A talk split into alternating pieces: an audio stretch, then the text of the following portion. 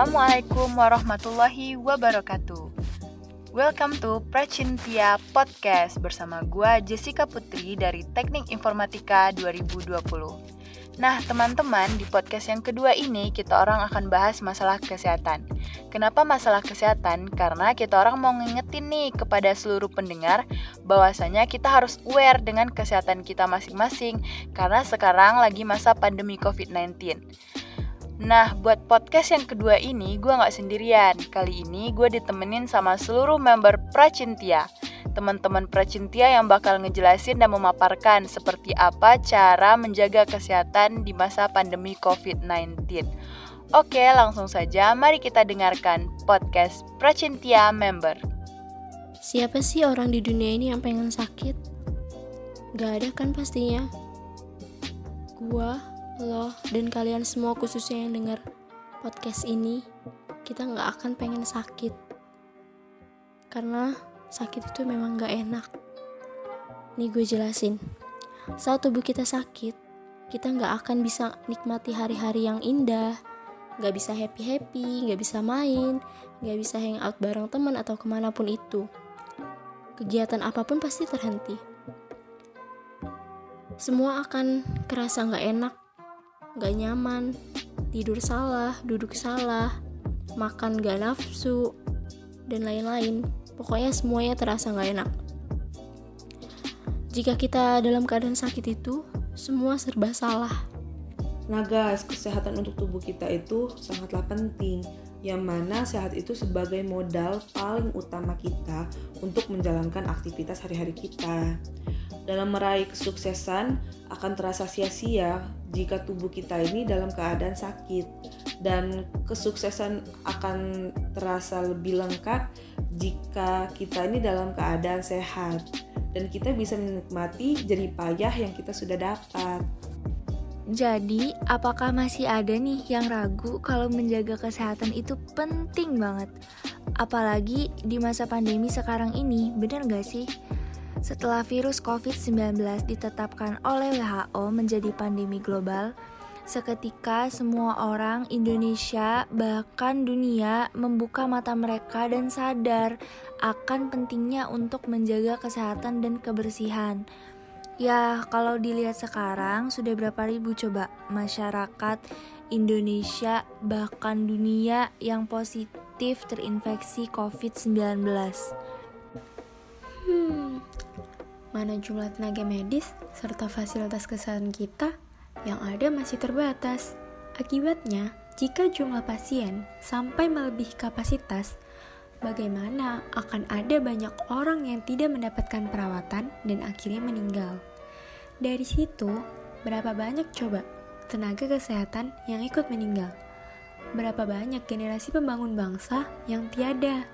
Karena itulah pentingnya bagi kita semua untuk membantu mengendalikan laju penyebaran COVID ini dengan pola hidup sehat. Jangan lupa pola hidup sehat.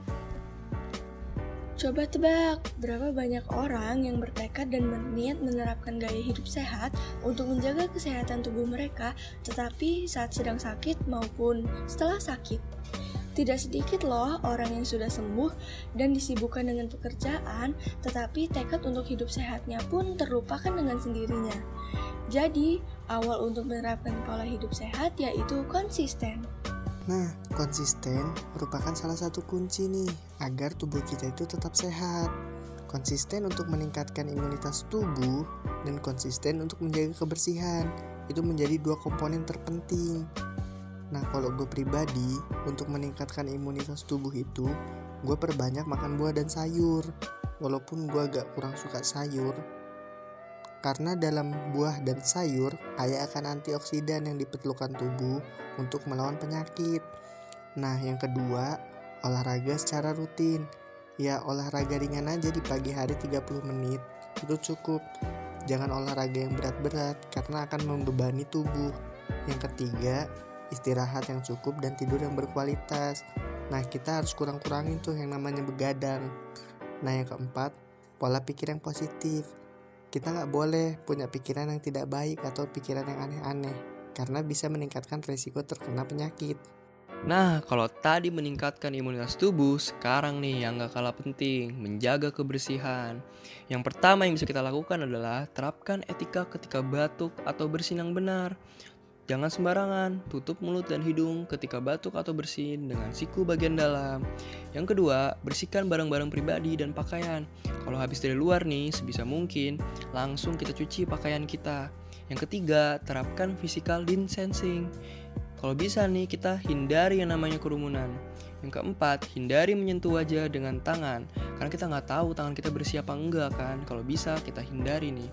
Yang kelima, meminimalisir menyentuh benda-benda yang tidak perlu, karena kita nggak tahu apa yang ada di benda tersebut, entah itu virus atau bakteri yang menjadi perantara masuknya virus atau bakteri ke tubuh kita. Yang keenam yang gak kalah penting adalah cuci tangan dengan air mengalir dan sabun. Kalau tidak ada, kita bisa menggunakan hand sanitizer. Selain terkait masalah kesehatan, kami juga akan membahas tentang narkoba nih yang mana di negeri ini tidak hanya menjerat masyarakat saja loh, tetapi juga para aparatur negara karena daya penyebaran yang cukup cepat dan luas. Nah, selain pentingnya menjaga kesehatan, kita juga harus pandai memilih teman. Usia kita ini sangat mudah terpengaruh oleh sekitar, dan yang paling dekat adalah lingkungan pertemanan. Narkoba jadi hal yang paling dekat. Pasti kita nggak asing lagi dengan yang namanya sabu, sinte, dan lainnya. Sebelum kita bahas lebih lanjut, bakal kita kasih tahu dulu nih apa itu narkoba. Narkoba atau narkotika dan obat-obatan adalah zat atau obat baik yang bersifat alamiah, sintetis maupun semi sintetis yang menimbulkan efek menurun kesadaran, halusinasi, serta daya rangsang. Dan menurut UU Narkotika pasal 1 ayat 1 menyatakan bahwa narkoba merupakan zat buatan ataupun yang berasal dari tanaman yang memberikan efek halusinasi, menurunnya kesadaran, serta menyebabkan kecanduan. Iya, betul banget tuh. Bahaya narkoba ini ada di efek kecanduan yang berlebih gitu loh. Walaupun narkoba juga dipakai dalam dunia medis. Namun, kalau dipakai tanpa dosis atau anjuran dokter, ya sama aja jadi sangat berbahaya bagi tubuh kita. Nah, di dalam dunia medis ini biasa dipakai untuk menghilangkan rasa nyeri dan memberikan ketenangan. Dah kenal dikit nih apa itu narkoba. Sekarang kita bakal ngasih tahu jenis-jenis narkoba dari yang paling gak asing sampai yang asing banget demi pengetahuan kita. Oke, jadi gue di sini bakal ngasih tahu jenis-jenis narkoba ya. Jadi ada banyak banget nih narkoba di dunia ini, dari yang tanaman sampai yang buatan. Efeknya sih sama-sama bikin kecanduan ya. Dan itu bahaya banget buat kesehatan kita. Tapi bentukannya ini yang beragam. Jadi langsung aja nih yang pertama ya. Yang pertama itu ada narkotika golongan satu. Narkotika golongan satu itu kayak ganja, opium, dan tanaman koka. Tanaman koka ini sangat berbahaya karena jika dikonsumsi akan beresiko tinggi yang menimbulkan efek kecanduan guys. Nah, di golongan satu ini banyak yang jenisnya itu tanaman ya. Yang pasti udah pada tau lah ya sama ganja yang bentukannya kayak daun singkong. Fun fact nih ya, dulu minuman Coca-Cola memakai tanaman coca sebagai campuran. Tetapi pada tahun 1929 tidak digunakan lagi karena ada efek kecanduannya. Lanjut ya, di golongan 2 ini bisa dimanfaatkan untuk pengobatan asalkan sesuai dengan resep dokter. Jenis dari golongan ini kurang lebih ada 80 jenis. Banyak juga ya. Hahaha. Gak mungkin kita kasih tahu semuanya, jadi kita kasih tahu beberapa di antaranya aja ya, seperti morfin, alfaprodina, dan lain-lain.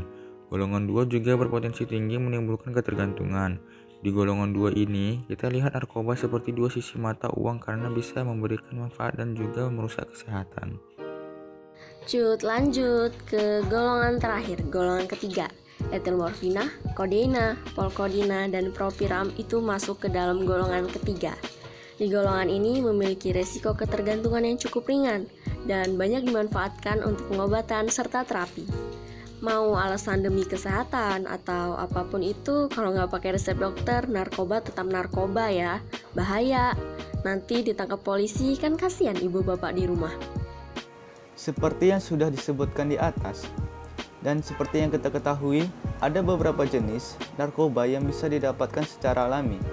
Namun, ada juga yang dibuat melalui proses kimia. Jika berdasarkan pada bahan pembuatannya, Jenis-jenis narkotika tersebut di antaranya adalah narkotika jenis sintetis, narkotika jenis semi-sintetis, dan narkotika jenis alami. Nah, dari tiga jenis narkotika yang udah disebutin tadi, gue pengen jelasin salah satu nih, yaitu narkotika yang jenisnya sintesis. Nah, jenis yang satu ini didapatkan dari proses pengolahan yang sangat rumit. Kenapa sih kok bisa dibilang sangat rumit? Karena golongan yang satu ini sering dimanfaatkan untuk keperluan pengobatan dan juga penelitian. Nah, ada pun contoh nih dari narkotika yang bersifat sintesis ini, seperti amfetamin, ada metadon, ada dexamfetamin, dan sebagainya. Narkotika jenis semi-sintetis diolah menggunakan bahan utama berupa narkotika alami yang kemudian diisolasi dengan cara diekstrasi atau memakai proses lainnya. Contohnya adalah morfin, heroin, kodein, dan lain-lain. Nah, narkotika jenis yang terakhir ini adalah narkotika jenis alami. Ganja dan koka menjadi contohnya. Narkotika yang bersifat alami ini bisa langsung digunakan melalui proses yang sederhana. Karena kandungannya yang masih kuat, zat narkotika jenis alami ini tidak diperbolehkan untuk dijadikan bahan obat. Narkoba ini mempunyai bahaya yang sangat tinggi dan bisa menyebabkan berbagai dampak buruk bagi kesehatan jika disalahgunakan. Dan salah satu akibat fatal dari mengkonsumsi narkoba jenis alami adalah kematian. Yang namanya narkoba pasti berbahaya nih guys, karena berdampak bagi kesehatan maupun hidup kita. Nggak bosan-bosanan nih, kami ngingetin teman-teman sekalian betapa bahayanya narkoba ini. Oke lah, langsung aja yang pertama, namanya dehidrasi. Penyalahgunaan zat tersebut bisa menyebabkan keseimbangan elektrolit berkurang. Akibatnya, badan kekurangan cairan. Jika efek ini terus terjadi, tubuh akan terasa kejang-kejang, muncul halusinasi, perilaku lebih agresif, dan rasa sesak pada bagian dada. Jangka panjang dari dampak radiasi ini dapat menyebabkan kerusakan pada bagian otak juga loh. Yang kedua, halusinasi. Halusinasi menjadi salah satu efek yang sering dialami oleh pengguna narkoba seperti ganja. Tidak hanya itu aja, dalam dosis berlebih juga bisa menyebabkan muntah, mual, rasa takut yang berlebih, serta gangguan kecemasan.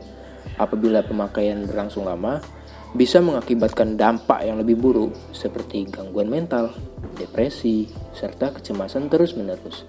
Serem banget kan? Lalu dampak yang ketiga yaitu dapat menurunkan tingkat kesadaran.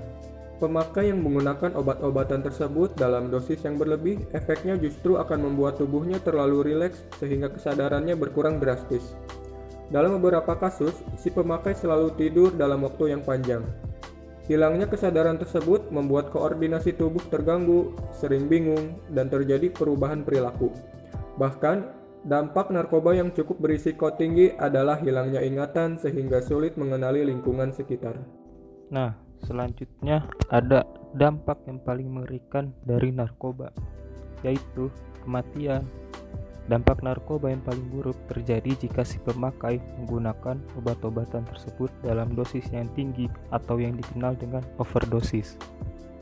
Pemakaian sabu-sabu, opium, dan kokain bisa menyebabkan tubuh kejang-kejang dan jika dibiarkan dapat menimbulkan kematian. Inilah akibat fatal yang harus dihadapi jika sampai kecanduan narkotika. Nyawa menjadi taruhannya. Nah, selanjutnya nih guys adalah dampak yang akan sangat sering terlihat pada seseorang yang telah kecanduan narkoba, yaitu adalah gangguan kualitas hidup. Bahaya narkoba ternyata nggak hanya berdampak buruk bagi kondisi tubuh, penggunaan obat-obatan tersebut juga bisa mempengaruhi kualitas hidup. Misalnya susah berkonsentrasi saat bekerja, mengalami masalah keuangan hingga harus berurusan dengan pihak kepolisian jika terbukti melanggar hukum. Nah boy, jadi kesimpulannya itu pemakai zat-zat narkotika hanya diperbolehkan untuk kepentingan medis aja sesuai dengan pengawas dokter sih dan juga untuk keperluan penelitian selebihnya.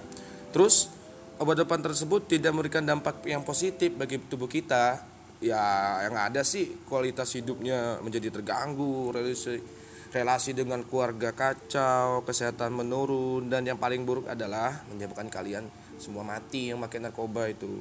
Karena itu jangan coba-cobalah pakai barang berbahaya tersebut karena risikonya sangat tinggi dan bagi bagi hidup dan kesehatan kita jadi gue saranin lo kalau kagak usah pakai-pakai narkoba lah masa depan lo tuh masih panjang serius Masing-masing orang punya cara yang berbeda untuk menjaga kesehatan dan kebersihannya kan? Kalau dari teman-teman Presintia sendiri, gimana nih cara kalian menjaga kesehatan dan kebersihan kalian di masa pandemi ini? Jadi, kawan-kawan yang aku sayangi, di situasi pandemi COVID-19 ini, kita juga jangan lupa untuk menjaga kesehatan. Misalnya, dengan makan tepat waktu, meminum vitamin, dan mencuci tangan secukupnya. Teman-teman Pracintia kan mahasiswa baru di Tera ya. Pasti lagi mengalami masa sulit untuk adaptasi dengan lingkungan baru. Apalagi yang berasal dari daerah luar Lampung.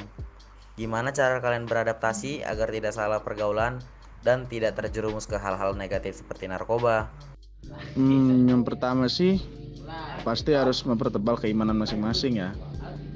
Terus yang kedua harus pinter nih pintar memilah memilih teman supaya kita nggak terbawa ke area negatif karena lingkungan itu berpengaruh banget buat kita nah buat yang terakhir kita harus aktif dan sibuk dengan hal-hal positif dengan begitu kita bakalan jauh tuh dari yang namanya hal negatif seperti narkoba saya mau bertanya sekarang sudah banyak penyuluhan tentang bahaya dan dampak buruk narkoba tapi biasanya masih ada aja yang tidak peduli akan bahaya dari narkoba dan tetap memakainya. Misalnya hal itu terjadi di lingkungan kalian. Mungkin teman kalian di kampus atau teman dekat kalian di luar kampus. Apa yang akan kalian lakuin? Sekian, terima kasih. Yang pasti kita nggak boleh ikut-ikutan sama mereka. Kalau bisa kita tegur mereka untuk berhenti dan kembali ke jalan yang benar sama kita kalau sudah kita tegur kita nasihatin dan kita masih memakai narkoba lebih baik kita jauhin saja bukannya kita bermaksud jahat atau gimana sama dia tapi karena lingkungan kita akan sangat mempengaruhi kita jadi kita harus banget menjauhi dia untuk kebaikan kita dan jangan sampai kita terbawa ke sana. Nah, guys, itulah uh, pesan-pesan dari kelompok Pracintia buat kita biar kita lebih aware sama kesehatan kita terutama di masa pandemi ini. Oke, okay, mm, mungkin itu aja sih dan sampai jumpa di podcast Pracintia berikutnya. Tetap semangat dan juga jaga kesehatan. See you.